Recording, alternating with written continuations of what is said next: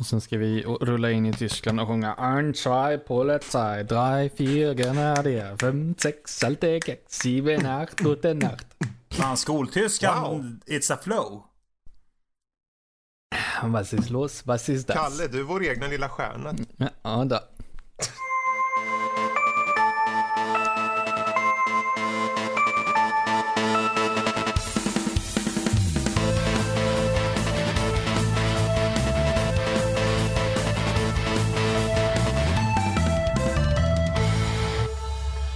Och välkomna till Nördliv.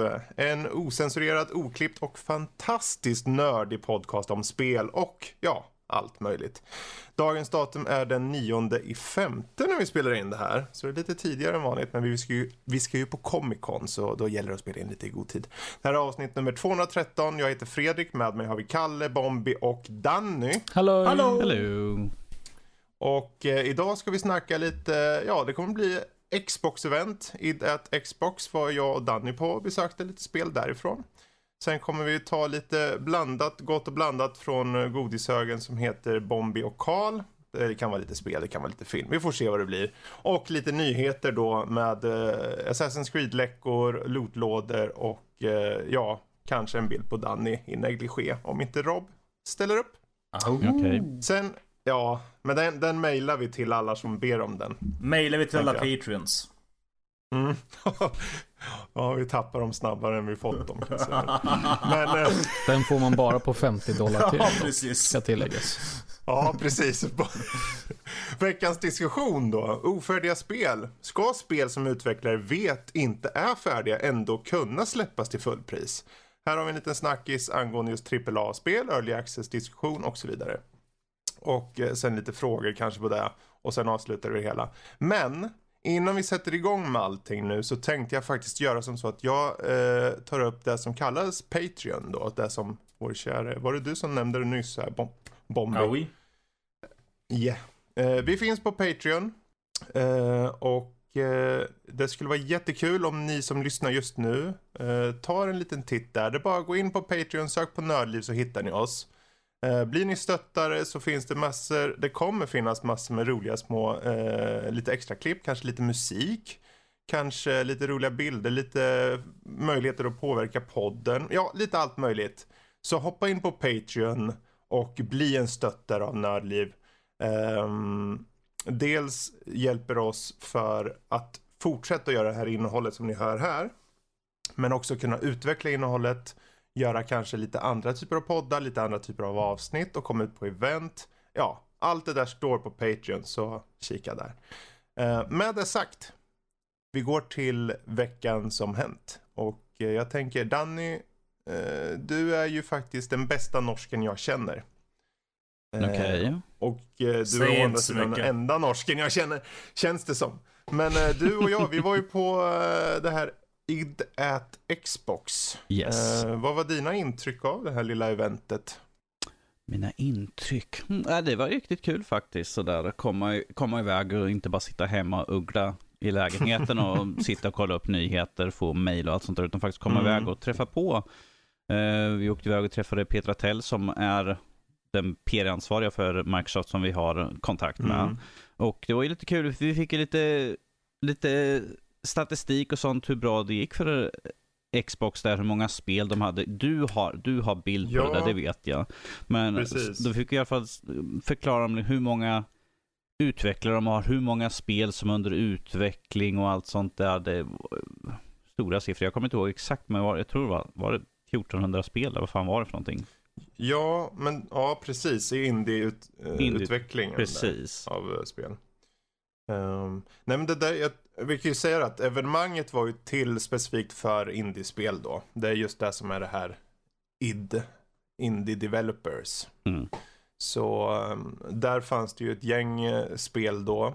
Eh, bland annat var det spel från Crytek, det var spel från 11-bit Studios, eh, Thunderful Games, ehm, Raw Fury bland annat. Mm. Eh, och jag vet inte, finns det något av de här spelen som du känner stod ut? Eh, Eh, kanske för dig då? Jag tyckte om Void Bastards.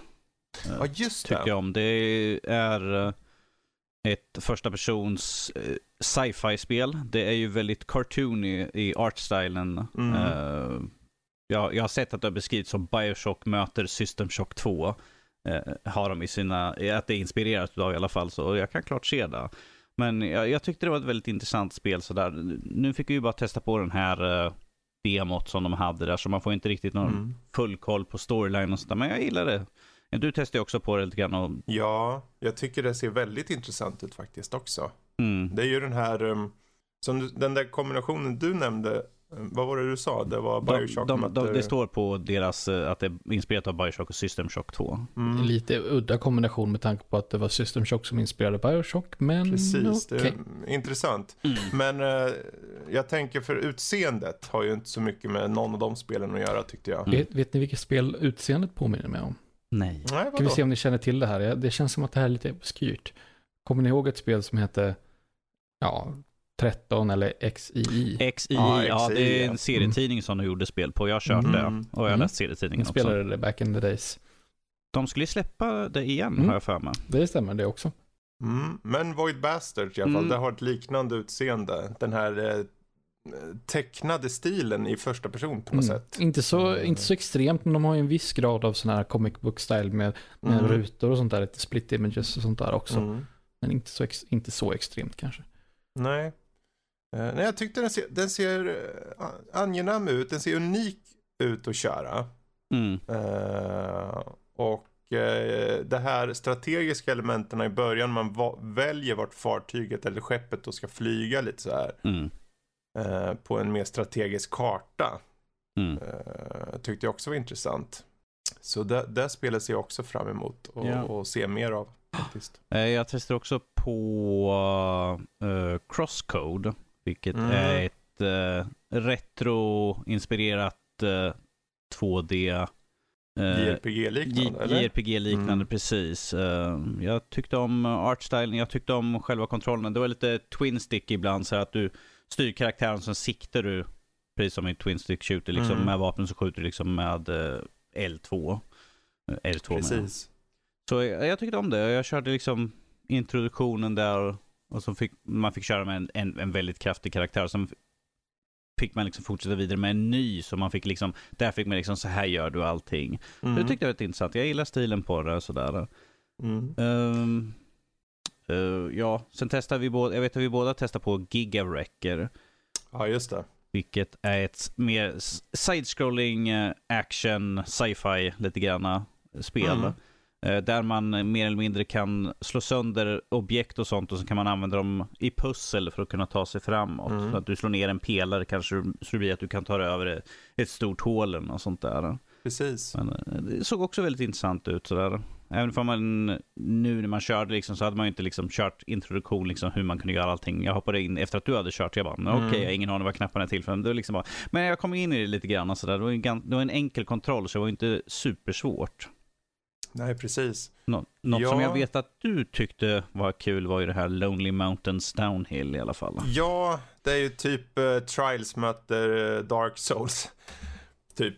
Eh, du ska bara ta cykla ner för ett berg och du eh, liksom eh, ska nå olika sådana här checkpoints på tid. Men, eller på tid, du ska få så bra liksom, tid som möjligt för att eh, det kommer sen introduceras leaderboards längre fram när spelet eh, närmar sig release. Mm.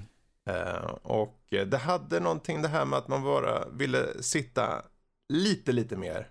Ta ta en, en nivå till, pusha sig, få en lite bättre tid. Ehm, konceptuellt jätteenkelt, utseendet ganska unikt så här. Lite poly- väldigt tydligt så här att de vill ha lite polygonkänsla i det fast ändå stilistiskt. Mm. Ehm, så det, det tyckte jag om. Jag tyckte, sen fanns det ju en del spel eh, förutom då Void Bastards som jag tyckte, det är Children of Morta. Mm. Just det, det var där jag körde sist tror jag det var. Ja. Det, utseendemässigt, det är ju som eh, Moonlighter i ren, det är rena RPG-delen ur Moonlighter typ. Mm. Och så är det alltså retro-pixel-spel i Diablo-form skulle man kunna säga. Yes. Eh, och det är alltså studion då som gjorde Moonlighter och Frostpunk bland annat. Jaha, så där. Jag ser på gameplay på den just nu, jag förstår varför det skulle falla dig i smaken Fredrik. Mm. Du som gillar lite action RPG. Ja, absolut. Eh, men ändå, det fanns en unik touch både till utseendet och det här med lite skills och lite grejer som Mm. jag tyckte såg lite charmigt ut. Ehm, så det, och sen har vi det där, jag, vi, jag, hann inte, jag hann inte köra det. Supermarket Shriek heter det. Mm. Man är, en kille är en get och en kille är en snubbe bara och sen delar man en, ehm, en kassavagn, Mhm. alltså på en affär typ. ja. Och då ska man ta sig igenom affären och nå eh, betalningsstället, liksom kassa, i kassan då. Så det, det, är jätteudda spel. Man, två eh, filurer sitter i en, sån här det här vagn. låter, låter ju som en helt vanlig torsdag för Bombi faktiskt.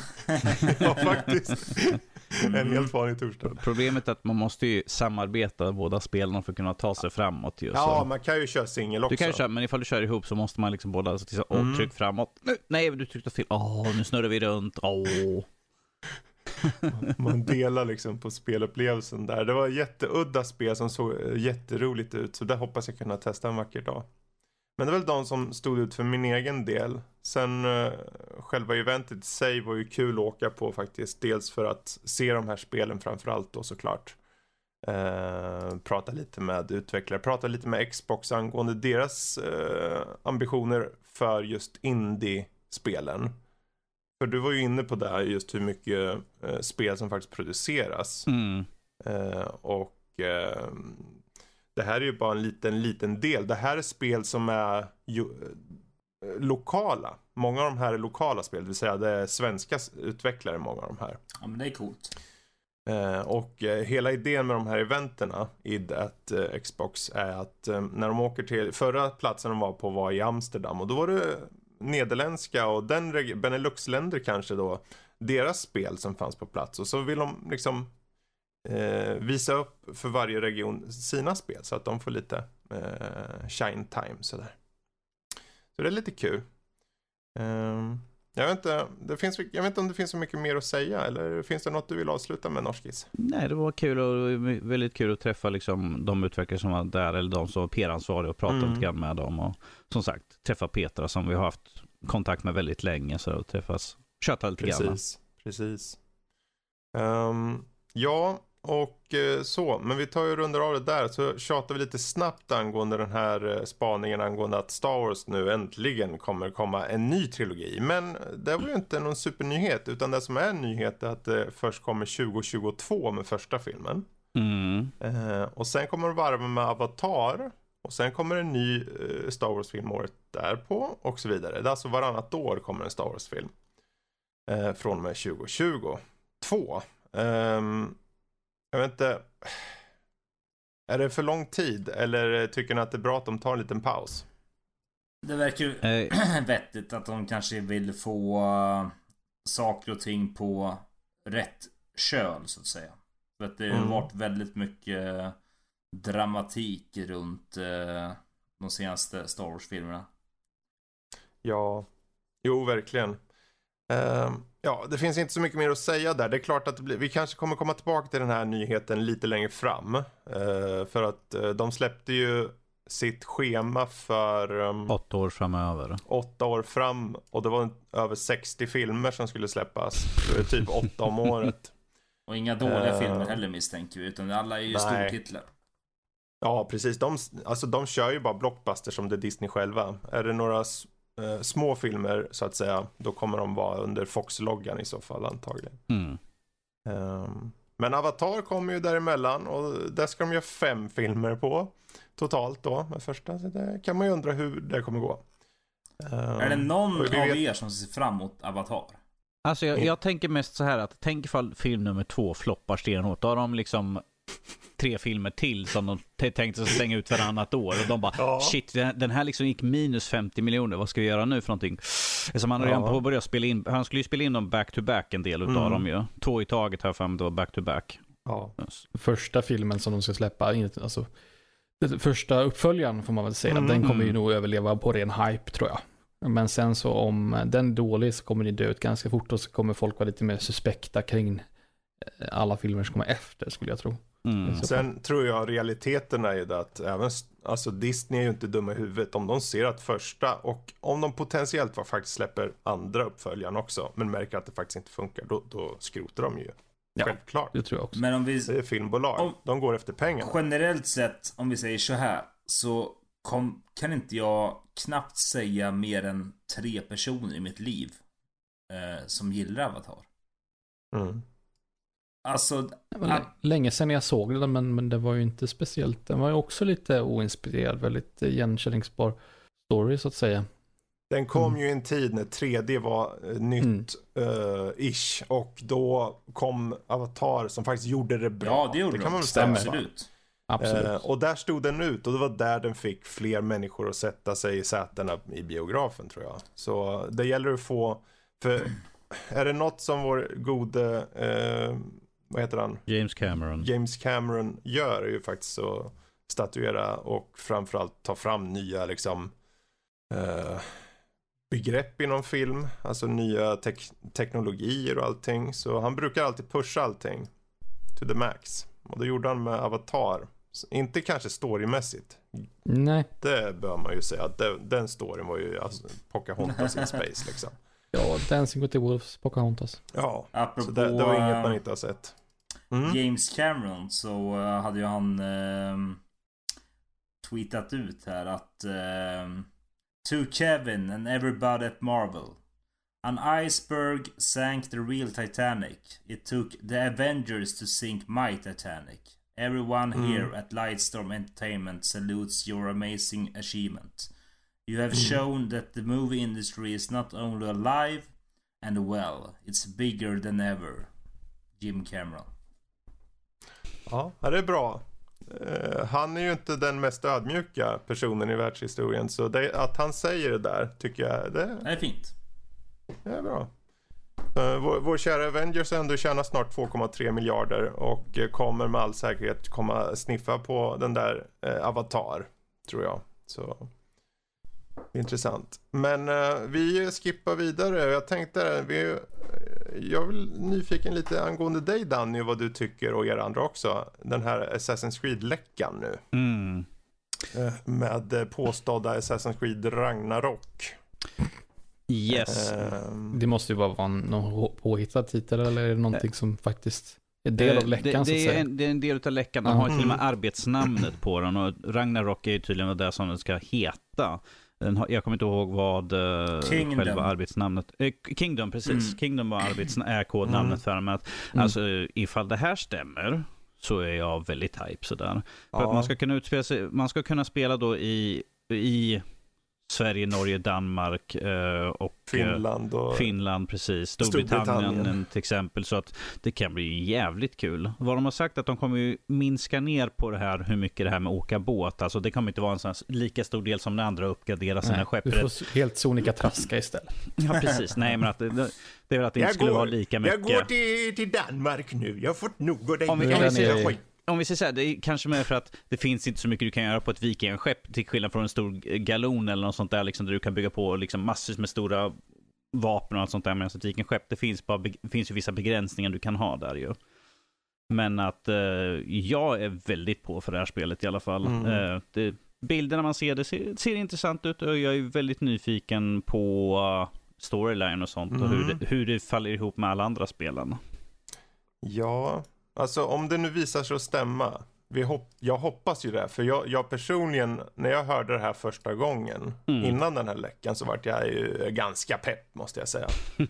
Ehm, och nu när vi har läckt lite och det faktiskt ser ut potentiellt faktiskt heta Ragnarok och, och de här regionerna. Alltså det, jag, alltså jag dreglar ju lite faktiskt, det gör jag, måste jag säga. Det känns ju så jävla rätt i tiden. Ja, Med... Han ska ju... Vad jag förstått så ska man väl ha ett, något form av samarbete med Ragnar Lodbrok, eller vad fan han heter, i... Och med hela Mm. Viking-serien baseras ju mer eller mindre på honom. Och eh, Mm, sen. God of War med Vi- Viking-temat där. mm. Eh, det känns ju som Ja. att de eh, vill samla upp de här smulorna på bordet som ändå finns där. Mm. Av eh, serien och eh, God of War då. Ja, jag tror att i tappningen som, som de släppte med de här två senaste med Odyssey och Origins, det här RPG-stuket, lite Witcher light, eh, Mm, Mm. gör ju att de, eh, jag menar tänk dig Witcher 3 i, eh, i vikingstil. Där har du det här då i så fall. Det känns lite också Eh. som att de vill gå Plus att det är mörkare. co-op. Plus att det är co-op. Det är alltså, ja det lite var ju lagom mörker. snopet. Mm. Eller det är vad det står, vi får se om det faktiskt allt det här stämmer. Ja, det är ju som sagt läckor och så men Ja, men nu kan vi sitta och drömma lite. Vad fan. Ja, det Allt, helt allt, okej. jag, allt jag har bara säga till som är, är negativt är att 2020 kommer det. Oh, Ja, det är ju år. Låt dem ta, jag kan vänta med, alltså det är klart jag är sugen på att, men eh, låt dem ta sin tid. Det blir jättebra. Ehm, ja, det finns inte, vi får se en vack, vem vet. De kanske blir pushade och faktiskt utannonsera något nu på E3. Ehm, för om det ändå ska komma nästa år då kan det lika gärna vara bra att släppa kan- en Ifall det redan har läckt bilder då kan de ju lika gärna ta och slänga ut Precis. någonting. Mm. Istället för Precis. liksom att folk ska liksom, vad är det här, Är det inte det, och då skriver och frågar och massa och sånt där. Eh, Gör som eh, de slängde ut med liksom, ja men här är nästa, ja vad heter det jävla, jag har totalt hjärnsläpp. Man ska omkring i berg och allt sånt där och det är drakar. Man, Skyrim? Skyrim, när de utannonserade nästa Skyrim, då visar ju bara introduktion liksom, ja här är nästa spel sen. Men om som sagt, de kan ju göra precis som det, slänga upp en, tra- en trailer, en cinematisk grej eller whatever, liksom bara för att för liksom, ja men det, det är vikingar, här nu får ni det. Det, Mm. det. det tycker jag är det mest logiska, som redan har läckt så mycket saker här nu ju. Väldigt stora saker och, så de kan kanske få undan lite grann så att folk, och bygga upp hypen ifall det släpps nästa år. Mm. Det är ju dags nu, ett år innan ju så. Ja, jag tror, jag tror det vore bra om de... Alltså det är klart, egentligen kan de ju vänta, för om de, de brukar väl släppa det till hösten egentligen Yes. oftast. Precis. Ehm, men eh, bara en tease räcker ju. Vi vet ju att det kommer komma. Det kommer ju komma ett Assassin's Creed. Om vi bara får bekräftat att det är vikingatiden, då, då, Mm. då är jag nöjd. Jag vet att det inte kommer komma i år, så jag behöver inte veta mer än att De, de, få kan, de, kan, de kan bara ta en bild liksom, det står bara Assassin's Creed Ragnarok i liksom som runskrift sådär då. Det räcker Mm. gott och väl. Ja, precis. Och för den som undrar, ja jag hoppas att det inte kommer i år, så för att som vi kommer prata senare om i det här, liksom, att jag tar gärna att de tar och gör klart ett spel istället för att släppa det helt jävla fucked up.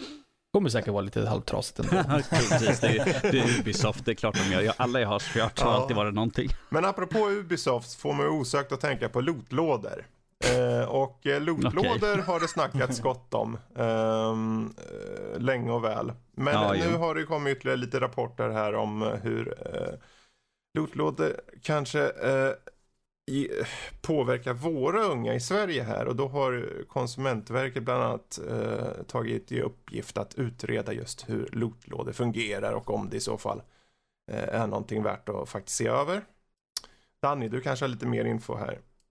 Om jag har lite mer info, om, eh, inte om det här i Sverige kanske sådär, men att eh, det här har vi pratat om förut ju och, eh, och de, jag har för mig att det var ISRB eller vad vi har för någon här i Sverige. Är det ISRB vi har i Norden?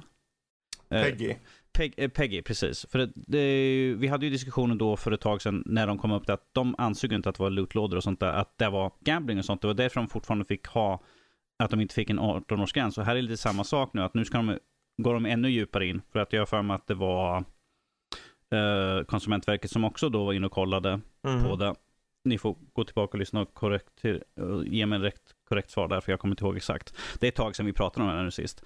Men att här nu så tycker jag det är ett bra steg ett, i rätt riktning som eh, det här börjar gå lite långt med lootlådor och sånt. Mm. Att det är ju Speciellt när de i staterna också tvingar på att de måste nu rapportera hur stor chans och allt sånt där och de är ju fortfarande lite luddiga med, med all, hur allting ligger till sig. Att, och jag tycker att det här är faktiskt någonting som ska kollas över lite noggrannare i kanten. För att Må- de gör Aha, så så, mycket. de måste redovisa det i hela USA? Alltså. Ja, ja, de kom ju fram till att eh, det är därför vi fick i Fifa var de nu då redovisa hur stor chans det var för att få en sån här legendary. Och det stod, och fast det, de, de sa inte ens exakt, det stod bara mindre än 1%. Mhm. Var det inte mindre än 0,1 procent? Ja, det kanske det var till och med mindre än 0,1. Och det var inte exakt liksom i min, eh, typ 0,0, det kan vara 0,00001. Fast de, de redovisade inte, så de sa bara, ja det är bara mindre än den här siffran, vilket jag tycker är, varför ens, Ja. Ja, Jag håller fortfarande fast vid det. Det är allt det jag har sagt hela tiden. Att så länge de kan visa exakt eh, liksom, chanser, på vissa saker, då är jag helt okej med det. Och Jag är en del av problemet som har köpt så mycket, öppnat så mycket lootboxes i, i CS. Skulle, skulle det vara bra om de för alla spel som, alla spel som innehåller lootboxes och eh, mikrotransaktioner får en 18 års, 18 års gräns i Sverige? Skulle det vara en för att, kompromiss? ja, det, det skulle det vara. För att, eh, som sagt, eh, spel och dobbel liksom som vi har här i Sverige då, är ju 18-årsgräns på all typ av. Mm. Så att, att de sätter det på spel som har, som har exakt samma typ av, liksom att du köper en sak i en låda och du vet inte vad det är. Spel och dobbel liksom. Så där tycker jag vi ska ha en 18-årsgräns och att det ska vara hårda krav på att det inte får säljas till minderåriga då. Sen är det ju så att i 90% av fallen så använder de ju sina föräldrars pengar. Ja. Alltså du, det är som, jag handlar ju åt mina barn. Eh, Mm. Vad fan de nu än köper, om det nu är något jävla skin på Fortnite eller vad fan nu är. Så är det ju liksom fortfarande mina pengar. Sen att jag godkänner det är ju en sak. Men Ja. de har, använder inte sina egna pengar. Så när du är 18 år, då använder du oftast i alla fall förhoppningsvis dina egna pengar till att köpa saker och ting. Mm. Mm. Ja, Nej, jag tycker också man borde föra in. Jag, jag kan ju inte se på något sätt, om de inte för in en lag på att de ska reglera vem som köper så kommer de aldrig kunna reglera att eh, de kan inte säga att du får inte sälja för de kommer alltid försöka sälja. Mm. Någonting Ehm. kommer ju hända. Ja, Det det, enda som händer är ju samma sak som händer idag. Det är ju många som köper eh, spel med 18-årsgräns för det är bara en rekommendation. Det är ju ingen, det är ingen lag på, på att ett 18-årsgräns, eh, alltså ett spel med 18-årsgräns inte kan säljas till en 16-åring. Det är bara en Mm. rekommendation. Eh, och Ja. det är helt upp till föräldrar. Men Sen ska ett kanske spel- personal ska, Ja. Ska ett spel ha 18-årsgräns för att det har lootboxes? ja, tycker jag. Jesus Christ. Självklart. Ja, För men, ja, eh, Bom- Bombi, lootboxes vi- är ju en, eh, ett Ja, sätt jag, jag för förstår hur du menar. Jag förstår hur du liksom. menar. Bom- Bombi, jag kan ta exempel. Energidryck måste du vara 18 år för att köpa. Nej, 16 eller 15. Nej, 18. Inte här. Ja, här i Örebro så är det 18 i Jag alla det är fall. 15. Det är ju upp till butiken, Ja, det är ingen till- lag på det. Ja, Rekommend- Men det är liksom så här, det är samma sak där. Du, för du kommer in och är 17 så får du inte köpa liksom. Även fast, även fast du skulle mm. kunna ta det, dricka utan problem. För att det är ju liksom, varierar från person till person. Men att det är liksom att ta ett spel liksom Mm. och säga, för det där kan ju påverka på ett helt annat sätt ju. Nej, men då är vi... Det är intressant. Ja, okej. vi Ja, kan dra det hur långt som helst. Vi kan dra det här jo, hur långt som ja, helst. Det kan, vi kan hålla på Ja. hela dagen. Ja, hela kvällen här. Du- du- Det intressanta Ja, ja. är där att Ja, absolut. Men vad sätter 18-årsgränsen? Är det bara lootboxes? Eller ska det vara en PG-grej? Att 18 år på det här och det här och det här spelet? För det finns många spel som kanske skulle behöva en 16-18-årsgräns. Skulle du då inte tillåta någon som är under 18 att spela till exempel Jag vet inte, Apex Legends för det skjuter ihjäl människor där? För den 18-årsgräns. Alltså, det är ju två helt skilda saker. Liksom. Innehållet i spel och någonting där du kan lägga extra pengar på. Där folk som kanske har eh, problem med liksom, att jag måste ha allting i spel. Som slänger pengar, slänger pengar, slänger pengar. Lite, eh, och sånt. Det är ju liksom två skilda saker. Innehåll och liksom att du har saker som kan göra att du kan hamna i skuld. Kan hamna liksom, bli riktigt dåligt ställt med folk runt omkring dig och hamna på kronofogden till slut. Ja.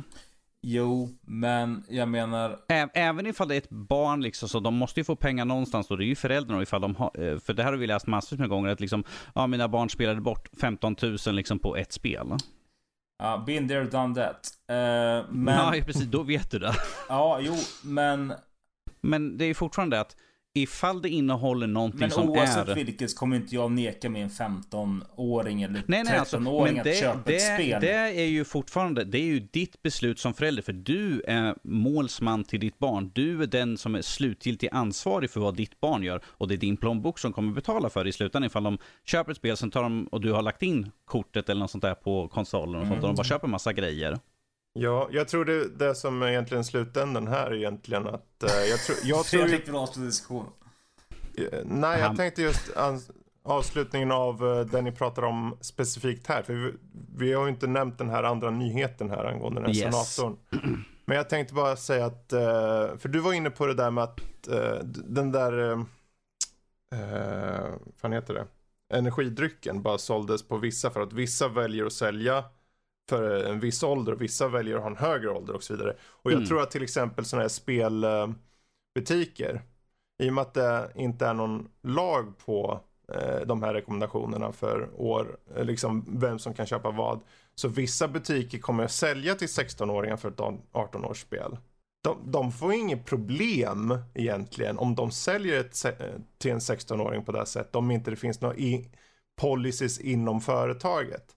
Men eh, GameStop säljer ju på allt så jag, jag, tror att de flesta där fungerar ungefär som på de här olika affärerna som säljer energidryckerna. Att eh, vissa kanske är mer restriktiva på grund av vem som jobbar där. Eh, och så länge det inte har gjorts något mer tydligt beslut eh, från regering så kommer det fortsätta så. Eh, så det kommer jag tror inte, jag tror inte det kommer förändras.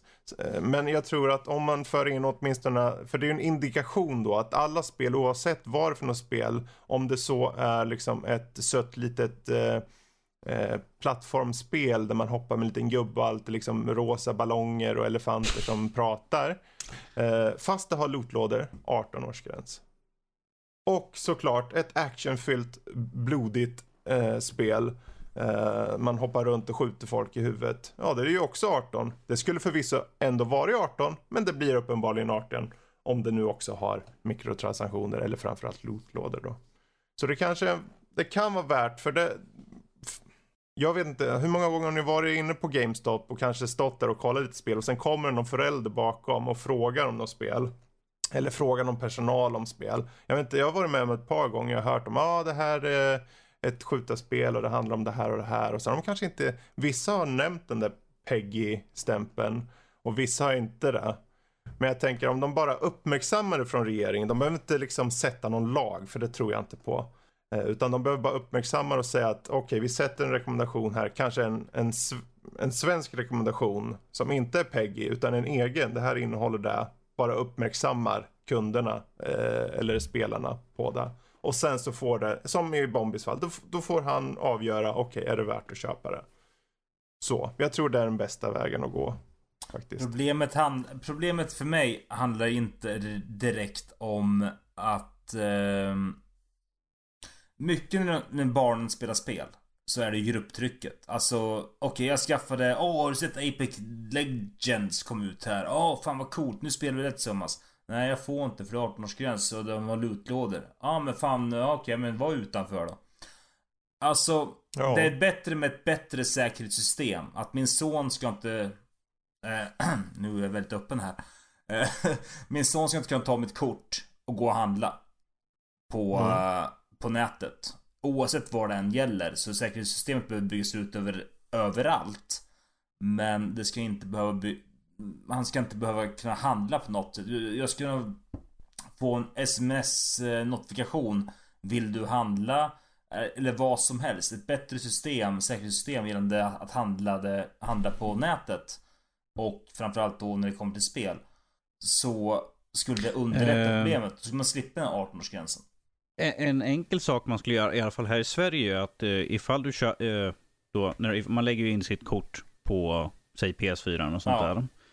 Och precis som på vanligt när du handlar på nätet och sånt där så kommer det vanligtvis upp att här, öppna upp... Mobilbank-id eh, och... Uh, Mobilbank-id och godkänn. Ja. Skriv in din personliga kod. Det skulle kunna vara ett sätt i så fall att kunna bygga sig in. För då kan ju inte barnen, ifall de inte har snott din telefon, kan, mitt, kan ditt ja. login och sen kan sen liksom logga in, kan logga in på din internetbank. Det är väldigt många steg de ska ha liksom där. De, då ska de verkligen vara desperata efter ett spel i så fall. Men ifall man inför något sånt i alla fall. Mm. För, för att förhindra att barn eller ungdomar kommer åt och liksom kan bara gå och handla och gå lös. På, bara för att de bara, jag måste ha ett spel för att kunna spela med kompisarna. Det hade varit så mycket enklare. Uh, istället mm. för 18-årsgränsen. Jag förstår vart ni vill komma.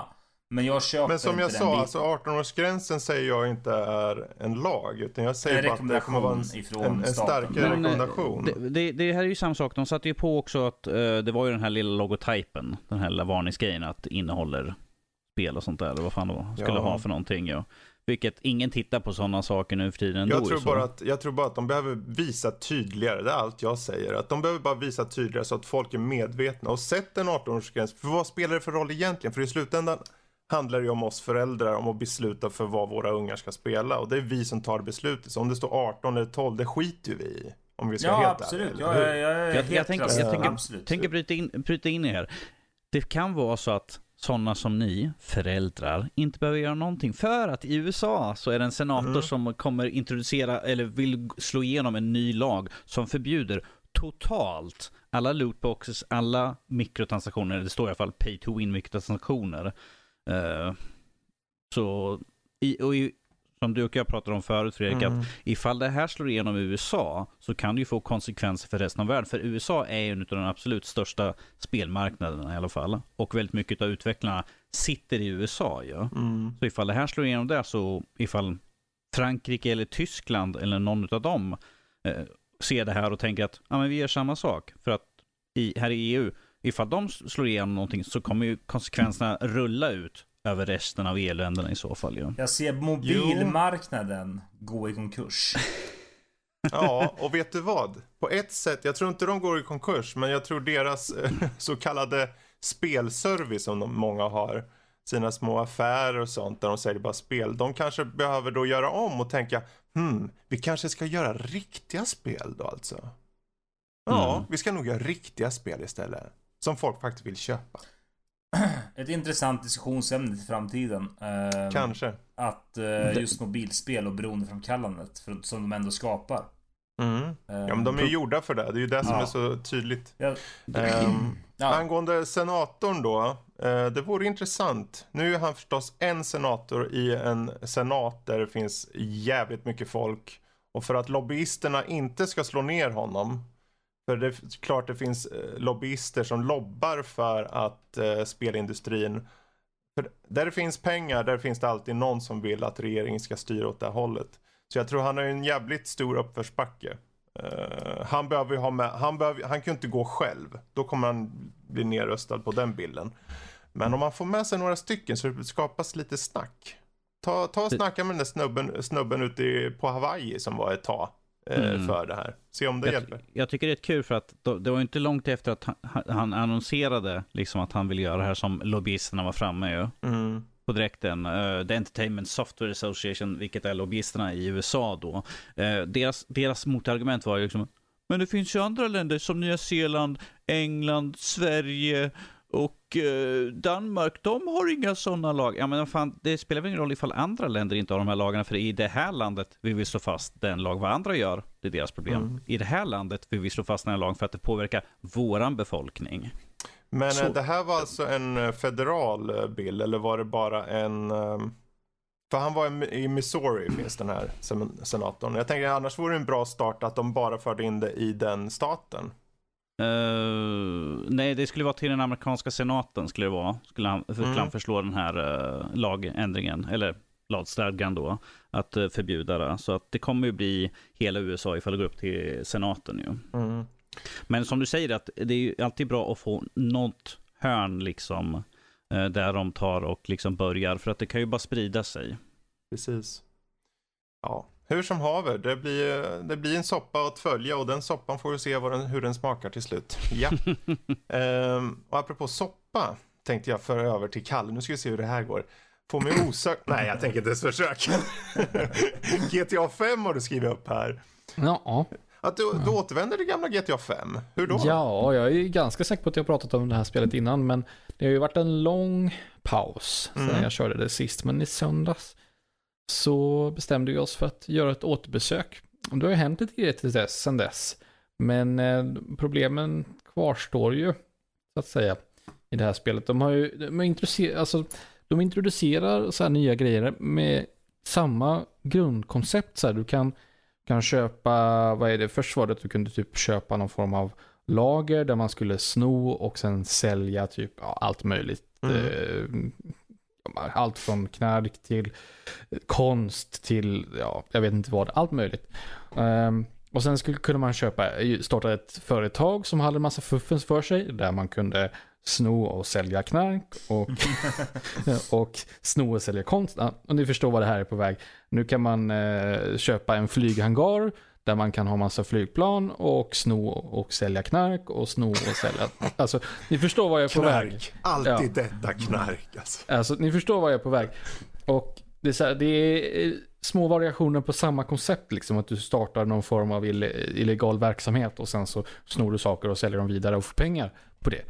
Eh, det roligaste hittills har ju varit den här flyghangaren. För då kan då alla uppdrag är liksom på något sätt flygbaserade. Så kanske får någon, eh, någon eh, helikopter, något flygplan. Så kanske du ska mm, skjuta ner något, några jaktflygplan och, och bomba någon bas eller vad som helst.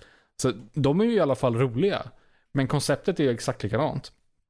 Och pengarna man får, det är, alltså det är så lite pengar man får. Speciellt så här om man, det är den, den personen som äger eh, ja, verksamheten, vad det nu är. Mm. Man kan ha en bikerklubb också, där man kan sälja knark.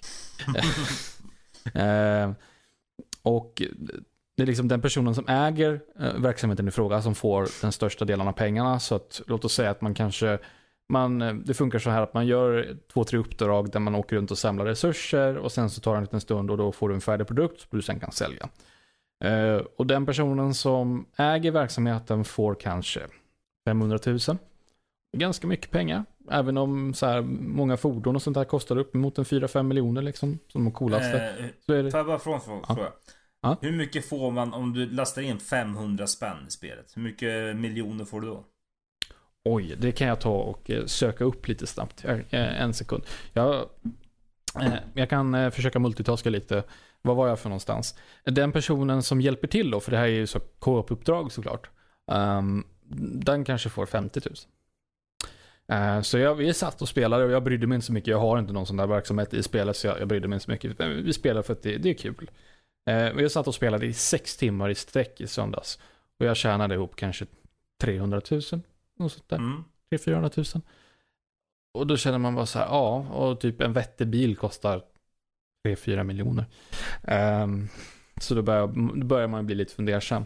Eh, men vi ska se här, GTA 5 Shark Cards. Då ska vi se vad de kostar. Då kan man köpa dem på CDON. Oh. Trevligt. Megalodon Shark Card, 644 spänn. Är det tillräckligt eller? Ja, visst. Är det nära nog? Ja. Ska bara CDON ladda här och då får man 8 miljoner in game. Det kan du inte köpa två bra bilar för oss. Ja, två eller tre kanske. Och det är ju det är så här igen och så, så finns det till exempel någon sån här jävla, jävla härke till flygande motorcykel med sökande missiler som är så här, kostar typ 4,5 miljon. Som är hur jävla OP som helst. Vi skulle starta något sånt där jävla eh, uppdrag i flyghangaren. Och sen så, ja, hoppa in i de här flygplanen och åk dit och gör det här. Och det så här, vi hann knappt fan lyfta tills det kom någon jävla snubbe och, och sopa ner oss båda med den här jävla flygande motorcykeln med sökande missiler som kostar 4,5 miljoner. man, blir, man blir lagom frustrerad. Men då, Åh. 300 000 på sex timmar. Eh, ja. Det blir Mm. ett x antal timmar för att kunna få ihop det till... Visst, man kan ju så säga så att turas om då och så här, gör varandras uppdrag. Men det blir, alltså det, det uppdragen måste vara roliga. För det ändrar man, det blir liksom bara en, en enda cirkel av det hela. Eh, Det blir bara en enda stor grind liksom. Vad, vad är målet? Man måste ju spela för att det är kul. Och sen så är det ju en bonus på sidan om om man kan eh, ha någon form av mål man spelar mot Jag vet vad målet är. Ja. En flyghangar fylld med knark. Det det kan du få. Jag vill ha en flyghangar fylld av knark. Eh, ja, nu tappar jag tråden helt. Förlåt. Men ehm, nej. Alltså, och sen eh, så, så är det vissa tekniska problem finns kvar. Man, kan man, man måste ju ladda hela tiden och jag har en ganska bra burk. Liksom spelet är installerat på en SSD men man kan fortfarande hamna på laddningsskärmar som är 10 minuter långa. Jag tajmade faktiskt. Jag lovar. Jag startade en, ett stoppur.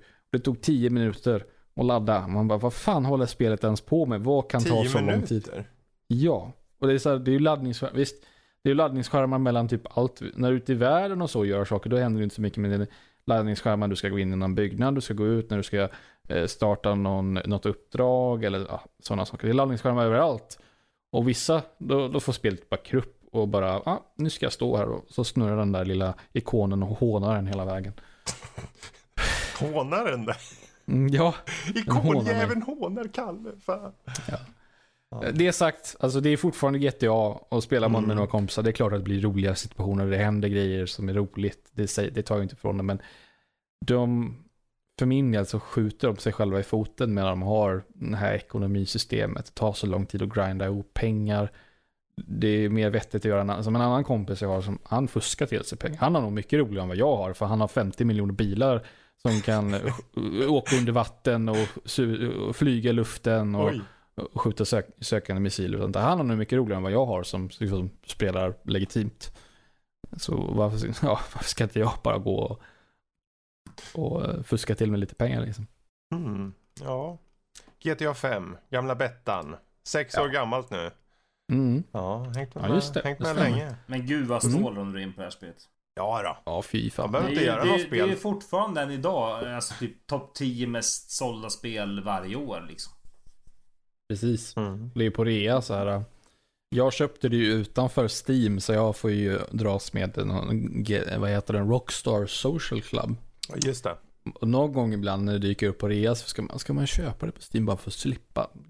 Och det är fortfarande så 30 euro. Man bara, nej, Mm. nej, tänker jag inte göra.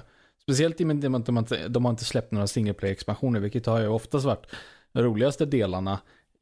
Titta på GTA 4 liksom. GTA, vad fan heter den eh, sista expansionen till den? Eh, The Ballad of Gay Tony, det var ju fan skitkul alltså. Den expansionen var så jävla bra. Men något sånt får vi inte se. Nej, för de, de var ju ganska tydliga med att de, vi kommer inte släppa några fler. För Precis. det tjänar de inga pengar på ju. Så. Nej, exakt.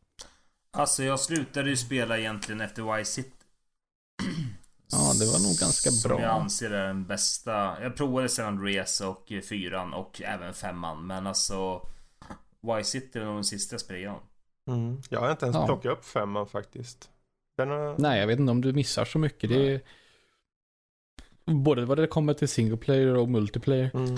Single player, den har, det har ju ratat innan vad gäller Red Dead Redemption, men där är det ju jättebekant det här med uppdragsstrukturen, att det, det är väldigt eh, linjärt i en sån öppen värld. Mm. Det är ju samma problem där som det var i Red, Red, Red, Red Dead Redemption 2. Mm. Den enda kuriosan jag kan dra ifrån eh, GTA 5 Det är när jag sitter med min Garion då Han är ju, ska fylla 14 i år eh, Han var vid 9-10 vid det här tillfället Han som spelar GTA 5 Sagt jag är en förälder utan eh, lagar och regler Så sitter vi i alla En fall utomordentlig förälder. Sitter vi och spelar. Eh, Jag sitter bredvid honom, han står och styr. Och så får man ett uppdrag. De ska spela in eller filma ett foton när en tjej spelar in en porrfilm på, i någon trädgård.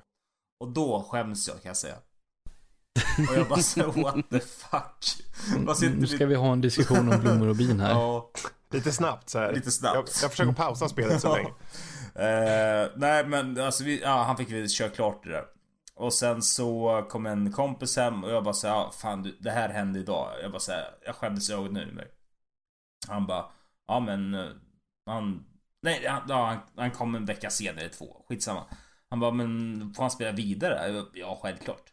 Men vet du vad, eh, vad heter han? Trevor? Heter han? Mm. Vet du vad, vet, vet du vad Trevor gör? Jag bara, nej vadå? Du har inte sett det va? Jag bara, nej. Nej, för det är brutalt. Jag fick stänga av. Och den här killen är liksom i 30-årsåldern. Uh, Tortyrscenen Ja, det var där ja, tor- just det. Mm. nej men Garra har klarat Mm. GTA. Han bara, nej men Martin för fan vad håller du på med? Jag bara, okej sorry. Mm. Mm. Men, Ja. ja, ja. Så kan det gå. Mm, så kan det gå. När inte haspen på. Ehm, ja, GTA 5 alltså. Uh, värt att ta en titt på om man eh, har pengar. Eh, det kostar fortfarande en del eller? Eh, det är dyrt. Det är dyrt. Det är Ja, jag fortfarande vill dyrt. eh, påstå Ja. att det är typ, typ full pris på Ja. Steam när det inte... Alltså det är på rea typ hela tiden. Mm. Nej vänta, va? Rent Theft Auto 5? Uh, jaha, 14, eh, 15 euro just nu. Det är Wow. eh, 50% rea på det just nu. Fredrik, slå till. Ja. Fortfarande inte värt att säga. Sex år senare, nej. Jag har andra spel jag kan. Mm. Den, den båten har Oh. gått känner jag. Buy Shark, de har direkt här i Steam, Buy Shark Cards. Ja, ja, ja. In och köp. Jösses. ja, det var det, dyra, det var det dyraste den, den jag nämnde på CDON där. S- 63, nu är det på 15% rea, 63 euro 74 cent så är det 8 miljoner in-game. Det är helt Ja, det sinnessjukt. stört jävla. De kan inte det här med... s- 8 miljoner in-game, det är ingenting. Alltså, det är verkligen ingenting. Det känns ju som att, eh, alltså de... Nu vet inte jag hur... Eh, nu har inte jag spelat eh, Red Dead Redemption online på... Ja, sen typ december. Eh, så det kanske förändras mycket. Men det var ju samma sak där. Valutsystemet var ju helt åt helvete. Ja, det förvånar mig inte alls. De hade väl något sånt där premiumvaluta, typ guldtackor eller något sånt där va, som var helt åt helvete. Ja, det är stört. Men ja. Ja, skitsamma. Oh well. Ja, ja. Från ett äldre spel till ett annat äldre spel. Uh, As Divine Hearts. Ja! Eh, har du lirat lite Bombi? Gud vad kul Ehm, att snacka gamla JRPGs. Ja. Det gör vi för vad- sällan i den här podden. Ja, du får införa fler. Ja, jag ska göra det. Eh, ja, vad är Estevine Hearts? Uh, ska jag vara helt ärlig vet jag inte så mycket om det. Jag eh, köpte det på rea. Ja, det såg eh, bra ut och uh, jag gillade omslaget. Eh, köpte hem det för länge sedan. Och sen har tiden runt ur tand och Mm. eh, så tänkte jag att uh, häromdagen satt jag så tankade ner Steep. Jag tankade ner uh, Metagirl eller Malagal eller vad det hette. Eh, och jag Mm. tankade ner Estevine Hearts eh, för vi provar lite olika spel. Men Estevine Hearts fastnade jag för. Eh, klassiskt eh, JRPG 2D. Eh, snyggt.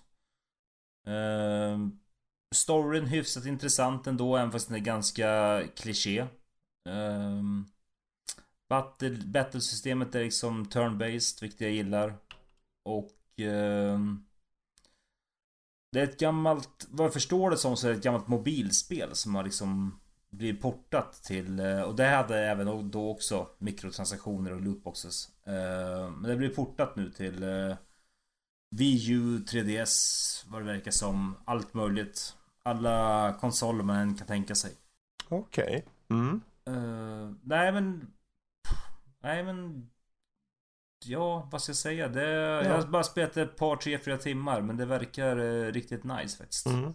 Du har smakat lite på konfekten och smakat Ja. gott hittills om vi säger så. Precis. Mm. Och eh, nu kommer jag inte kunna spela det här under veckan. Men eh, nästa vecka förhoppningsvis så får jag sätta tänderna hit igen Mm. och eh, fortsätta min resa. Mm.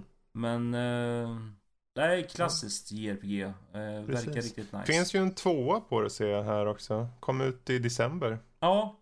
Det här spelet, eh, jag tror att det här spelet är från 2014. Mm. Och blivit portat långt, långt senare. Men... Ja, just det eh, tvåan eh, kanske vi kan återkomma till så småningom. Ja, kanske det. Kanske det. Ja, ja, men eh, vet ni vad? Jag tror vi rundar av där faktiskt på veckan som hänt. Och eh, hoppar över till veckans diskussion då som är just ofärdiga spel. Eh, ska spel som utvecklare vet inte är färdiga ändå kunna släppas till fullpris? Eller överhuvudtaget? Lite frågor, lite eh, frågor kring det här då. Eh, både AAA eller Early Access eh, diskussion. Ehm, så vi slänger ut eh, frågan i sig då till att börja med. Ska det släppas till fullpris? Ofärdiga spel? Nej. Helst, helst ska de inte släppas ofärdiga Mm. överhuvudtaget. Det, eh, upp skiten bara. frågan är ju en självklar, det, det är ju ett självklart svar. Så det, eh, det, det är ju, men jag tror, finns det, i vilken mån tycker ni early access ska finnas? En, en liten vinklad fråga där.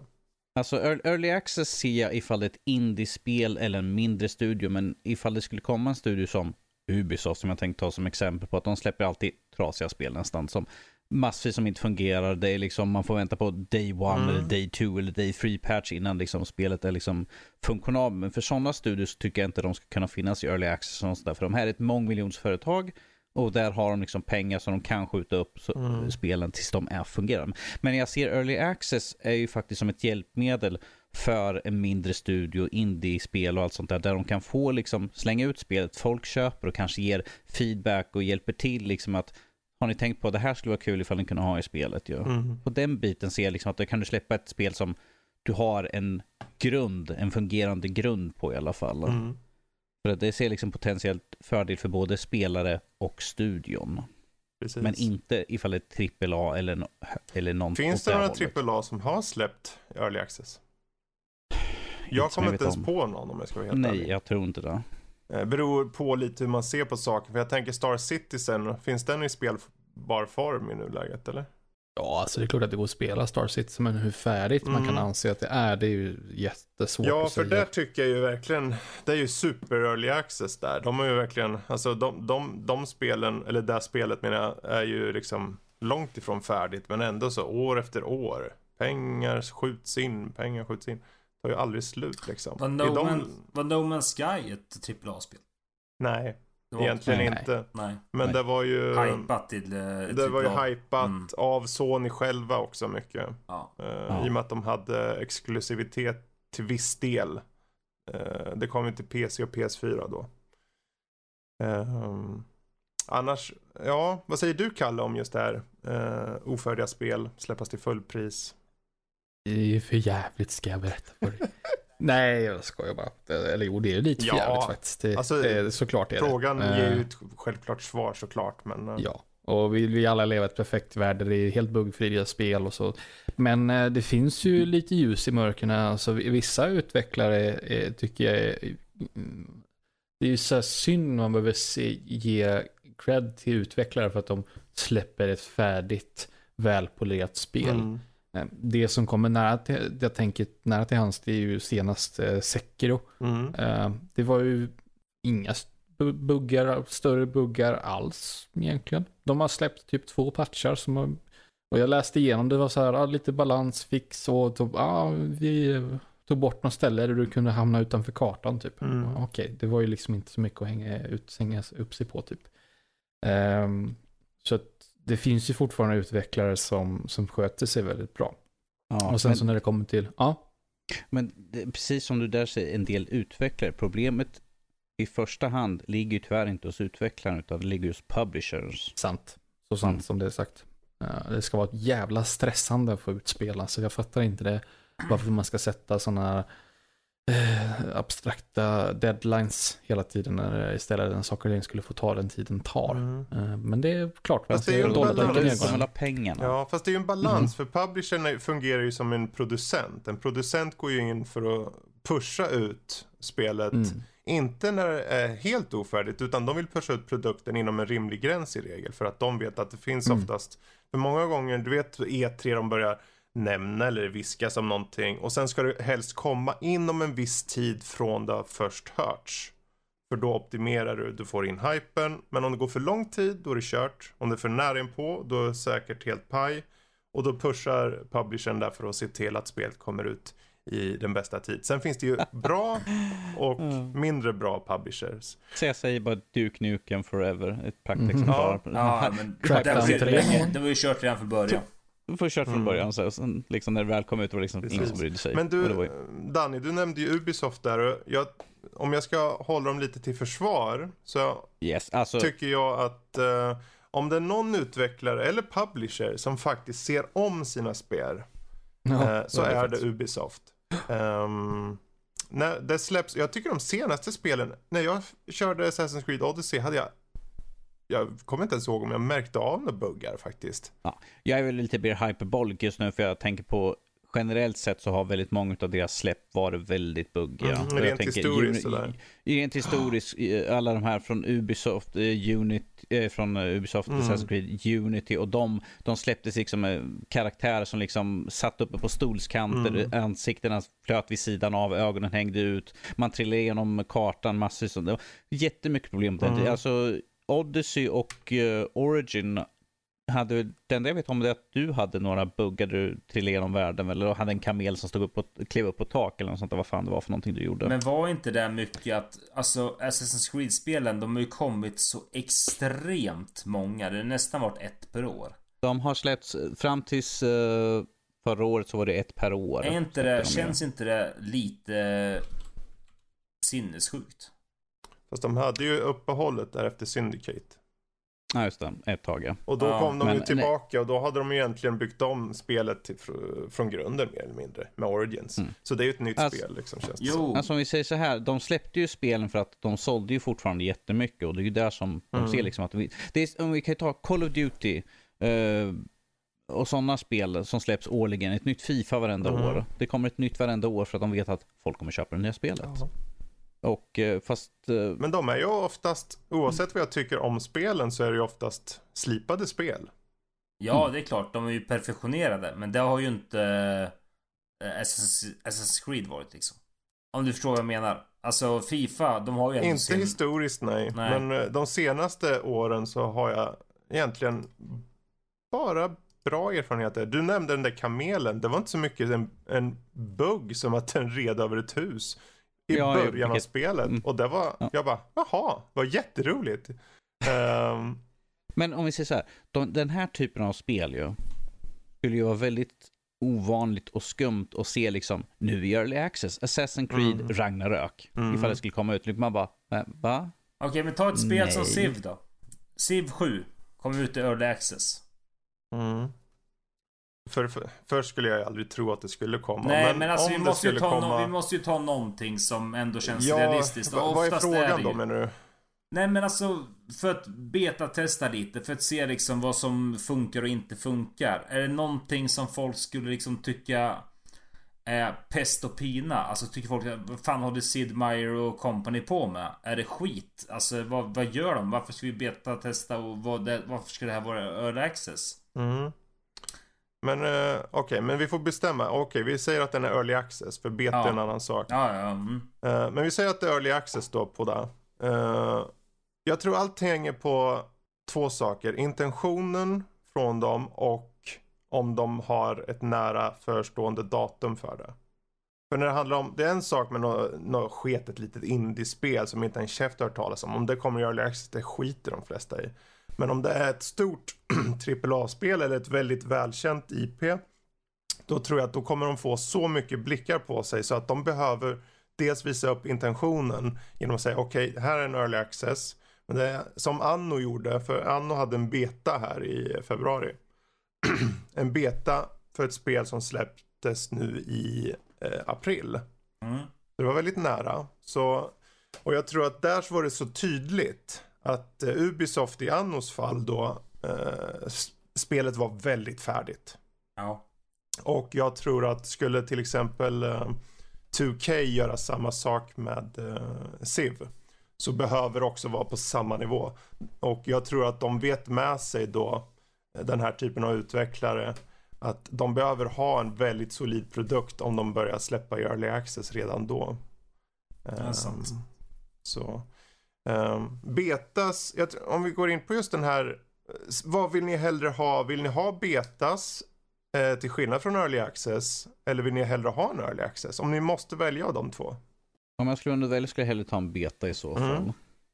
För en early access vet jag att det kommer inte, generellt sett, så vet man att det kommer vara flera år tills det är klart. Mm. Det kanske aldrig blir klart. Det kanske liksom var efter ett tag liksom bara, vi har gjort det vi, vi känner för och vi vill göra något nytt än att hålla på fortsätta att traggla på det här. Och då kanske det aldrig blir ett, ett färdigt 1.0-spel. Mm. Eh, Medan en beta är liksom, det är en testperiod för att få ut lite kinks och sånt på ett spel som kommer släppas troligtvis inom x antal månader. Precis. Så jag tar hellre en beta då över eh, en early access för där vet man aldrig ifall det Ja. ens blir klart. Kalle, känner du, hur känner du då? Jag skulle väl vilja, vara villig att hålla med. Det, det är ju lite olika, alltså de större utvecklarna brukar generellt sett bara köra på sin höjd en stängd alfa, öppen, en öppen beta Mm. och sen är de klara. Ehm, Jag har sett andra utvecklare som kör flera omgångar. Mm. Eh, Det som jag har närmast i tankarna är, eh, vad heter det, Rising Storm 2. Mm. eh, Tripwire Interactive. De körde beta-omgångar, alltså alfa-omgångar typ flera gånger, typ några gånger i månaden i typ ett halvår eller Ja, någonting. Okej. Ehm, och något, någon sån grej hade jag Mm. nog föredragit faktiskt. Men jag tror, jag, jag håller med som Danny säger, det är helt klart att föredra en beta Mm. istället för early access. Men early access så handlar det ju snarare om att eh, få casha in på en produkt som inte är färdig. Mm. Och då, då är det så här, det är helt okej ibland. Eh, jag kommer tänka på Factorio, de, har, Mm. de utvecklarna har skött sig jättebra. Mm. Um, utveckla sitt spel, kommunicera med communityn skitbra. Men de är ju snarare ett undantag i den situationen. Mm. Ehm, man kan också peka på, på eh, riktiga fiaskon som typ uh, Ark Survival Evolved just till det. exempel. Mm. Ehm, de sköttes ju inte lika bra, kan man väl säga. Ehm, så att bara för att man inte kan lita på alla utvecklare på det sättet så är nog en beta bättre. Mm. Gärna en lång beta alfa-period, Mm. skitbra. Kör flera omgångar, inga problem. Ja, Ta den tid det tar. Ja, för jag, jag känner väl typ likadant också.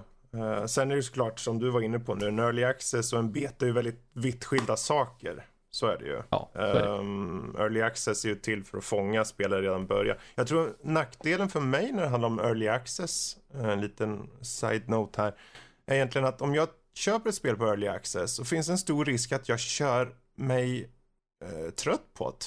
Tills Mm. innan det har släppts. Innan det är klart. Eh, och sen kommer det någon och säger, ja men du, du vet väl att det här spelet X nu har släppts nu? Ja, alltså jag körde skiten det för två år sedan, jag är inte så sugen ärligt talat. Det har säkert jättemycket nya uppdateringar och sånt, typ som Ark. Men jag känner, jag känner mig klar då, för jag körde skitmycket av det då. Jag plöjde 100 timmar, jag kände mig så klar. Och där tror jag är en stor risk för det. Men medans betan, som nu med Anno som kom i februari, det var en helg bara. En helg bara, så nu kom en liten eh, stängd beta.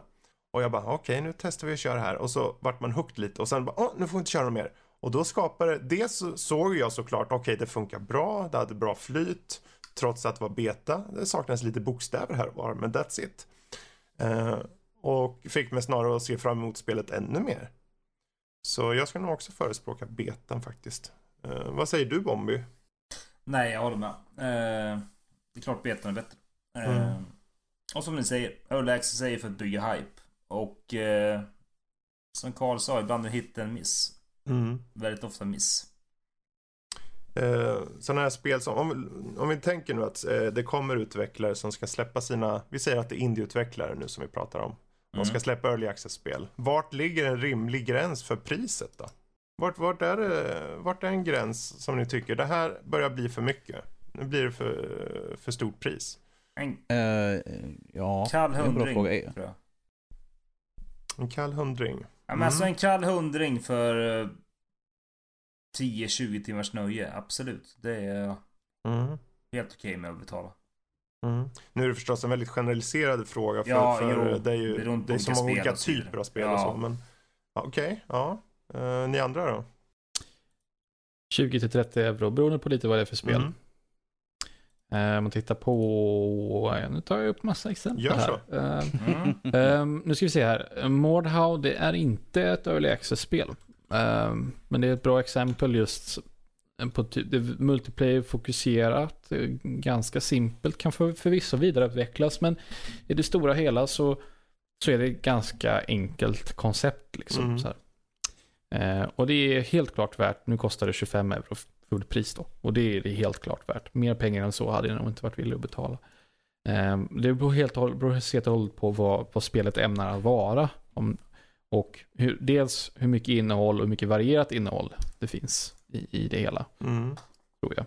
Ehm, Men någonstans där, allt från 15 till 30 euro. Jag tror inte jag skulle betala mer än 30 Nej. euro för ett early access. Ja, men det är bra. Jag, jag, jag lutar faktiskt åt samma nivå där. Jag tycker det ligger rimligt där. Det, det är klart att de, man förstår ju att de behöver få in lite pengar ändå. Sen beror det på antal eh, medlemmar där hos utvecklarna. Kanske det är bara en snubbe. Då kan jag tänka mig 150 till 200 spänn kanske räcker. Om tillräckligt många köper för han är ensam och tar den, eh, får den liksom, eh, slanten då.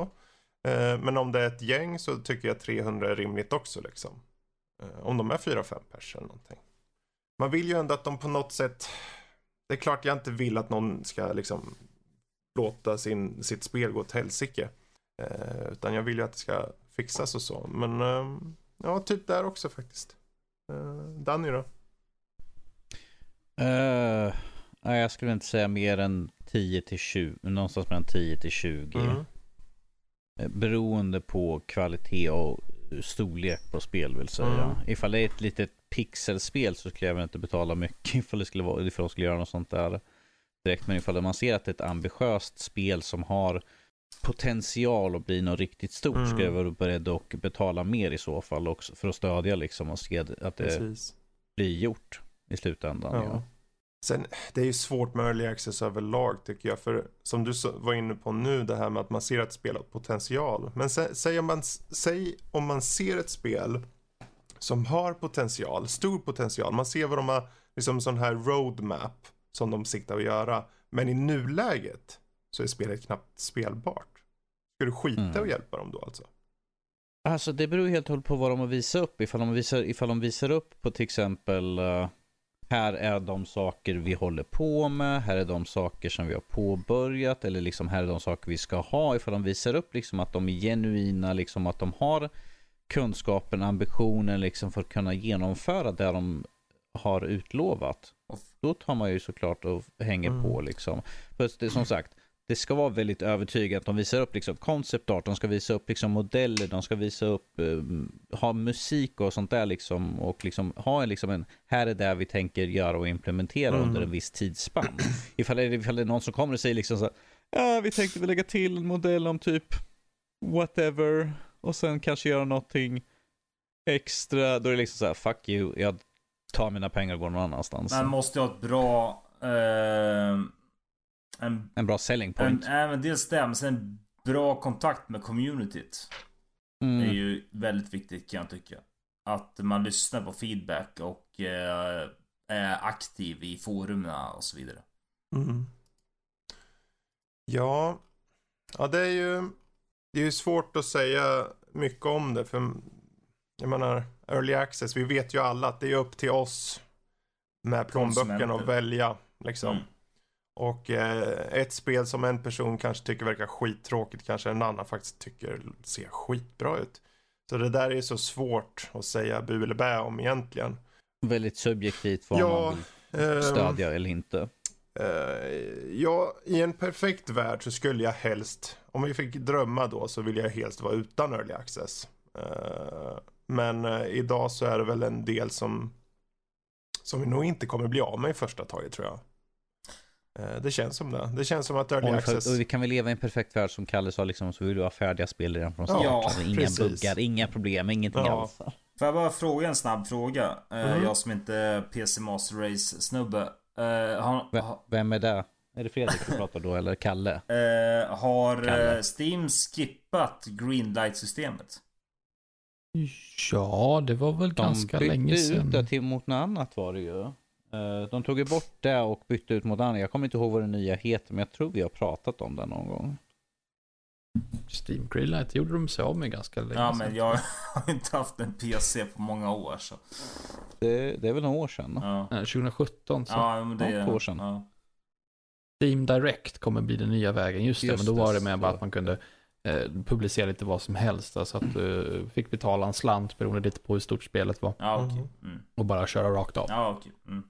Mhm. Och det var då det. Det var då det. Jag förstår det. Ja, Och nu är nu. Men eh, den här diskussionen kan ju fortsätta ute hos er. Eh, vad tycker ni om ofärdiga spel? Ska det släppas till fullpris? pris? Eh, ty- vad, vad tycker ni egentligen är en rimligt pris för ett early access-spel? Och hur tidigt eller hur sent ska en beta vara?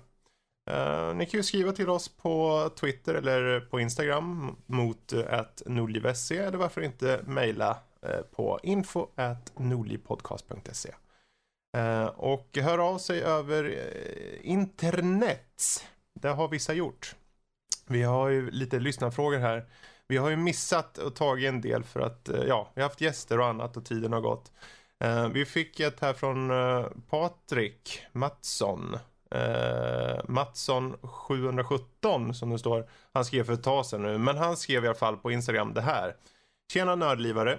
Tack för en grymt bra podd. Som vanligt, jag har äntligen efter tre år klarat Witcher 3. Livet och andra spelet eh, har kommit emellan. Jag har nu två frågor till er. Vad fick ni för slut i Witcher? Och eh, har ni några spel som har tagit er lång tid att spela färdigt? Som ni verkligen gillat men av olika anledningar spelat i omgångar? Återigen, tack som fan för att ni gör det ni gör. Um, ja, eh, Witcher 3. Jag har Vilket inte slut? Danny spelat.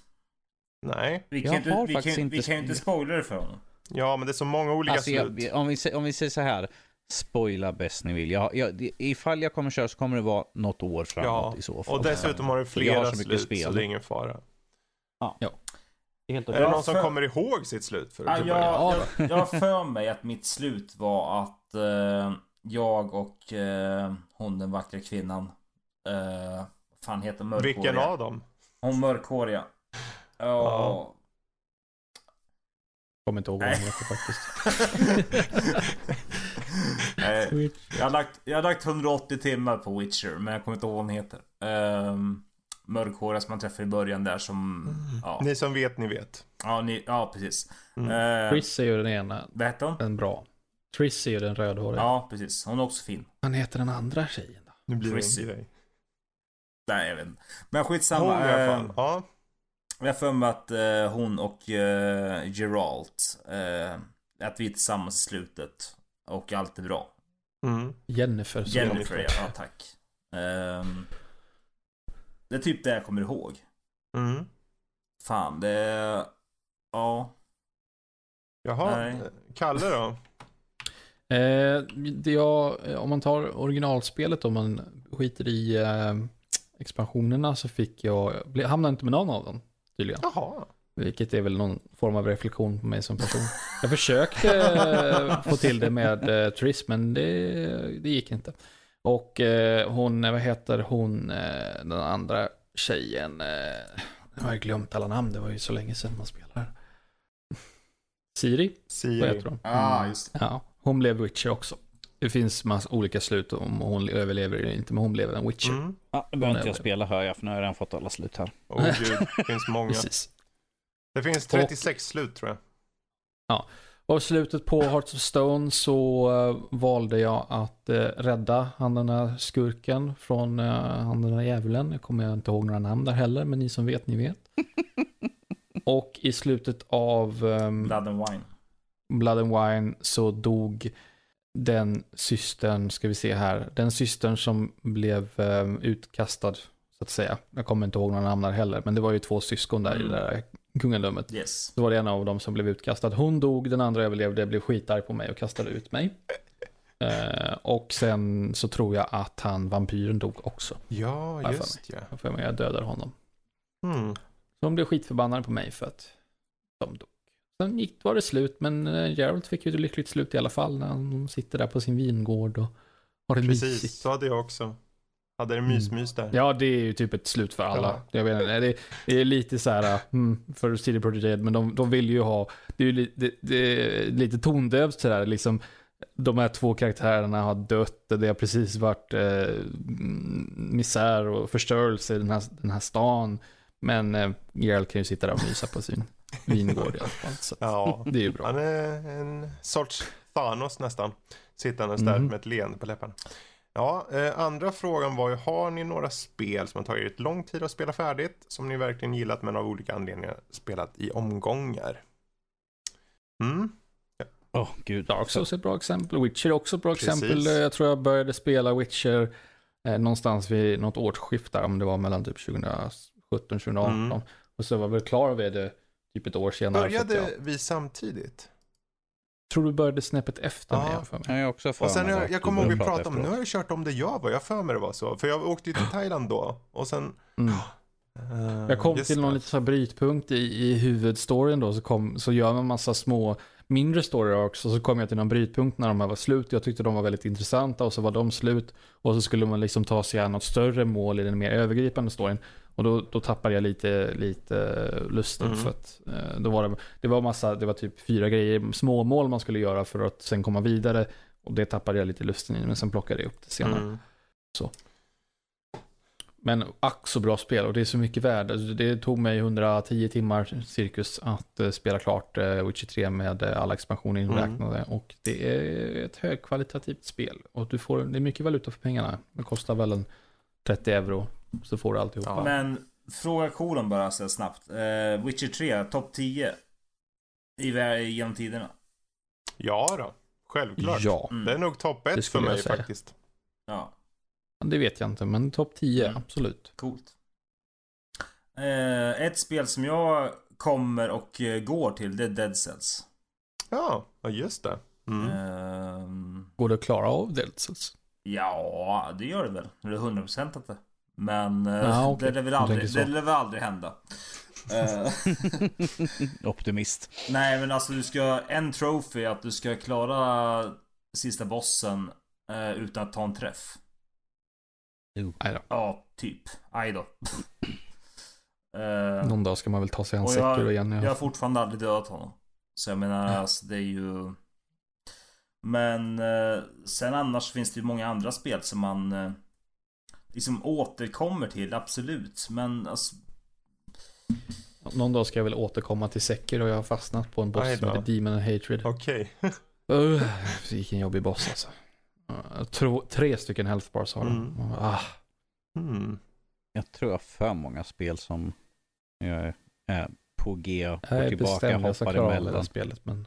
Jag, jag, jag, du vet, jag har ju liksom här eh, som till exempel eh, God of War. Jag är inte klar, jag är typ, eh, som jag låter på Fredrik, så är jag väl typ 99% in i spelet. Mm, Jag har bara bara sista kvar biten. jag. Eh, och jag, sen var det att det var någonting jag skulle recensera och sånt där och sen var, blev jag fast på något helt annat spel däremellan och sen började jag testa Spindelman, då försvann det andra spelet och sen spelade jag, for- började jag på Assassin's Creed här nu senast och nu kör jag Days Gone.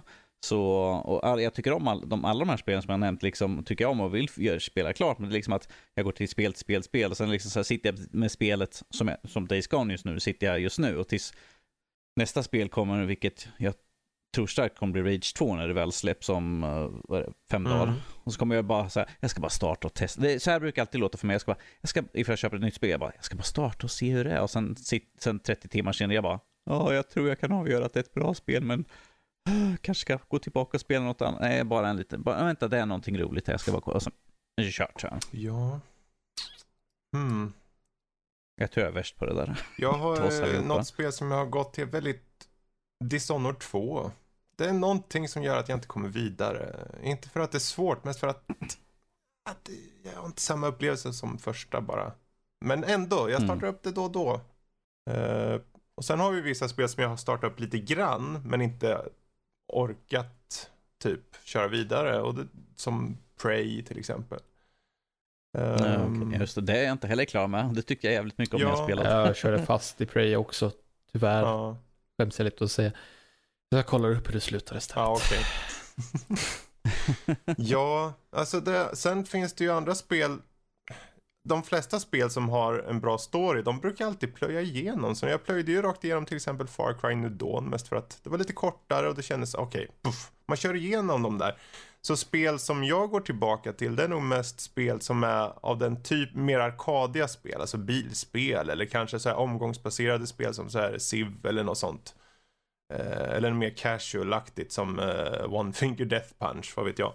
Typ sånt Mm. som inte egentligen har något det har ju ett mål, men du kan ju egentligen plocka upp det när som helst. Så de går jag tillbaka till. Men det är ju inte kanske som står i spel på det här sättet då. Det är mer en, det är mer den här liksom, jag kör en bana och sen är jag nöjd Ja, kanske. i vissa fall. Eller, eller en, en omgång om vad Ja, den jag må känner vara. att det liksom, finns en så. prog som en så här eh, Dirt 4 till exempel som släpptes här om åren någon, någon gång. Ett jättebra Mm. rallyspel eh, och så. Och jag har hoppat in, jag körde väldigt mycket då och sen så, ja nu fick det räcka lite, kom spel i vägen och allt det där.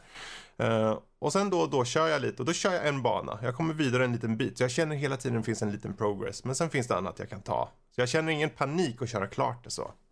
Så det, det blir väl ofta så för mig då. Um, ja, jag vet inte. Finns det någon av er som vill säga något mer angående det här med uh, något spel som ni kanske uh, gillat men Hoppa inte över till andra spel bara för att testa dem. Kör klart där ni kör. Ja. Det är inte som mig. ja, vad fan om ni har pyttelite kvar, du bara kör klart skiten och sen hoppa vidare. Ja, jag säger det. Som Problemet sagt, som du är säger, att att jag är så nära på God of War ju. Mm. Så. det släpps ju så jävla mycket spel nu för tiden. Det är det. Ja, men du köper ju inte alla spel.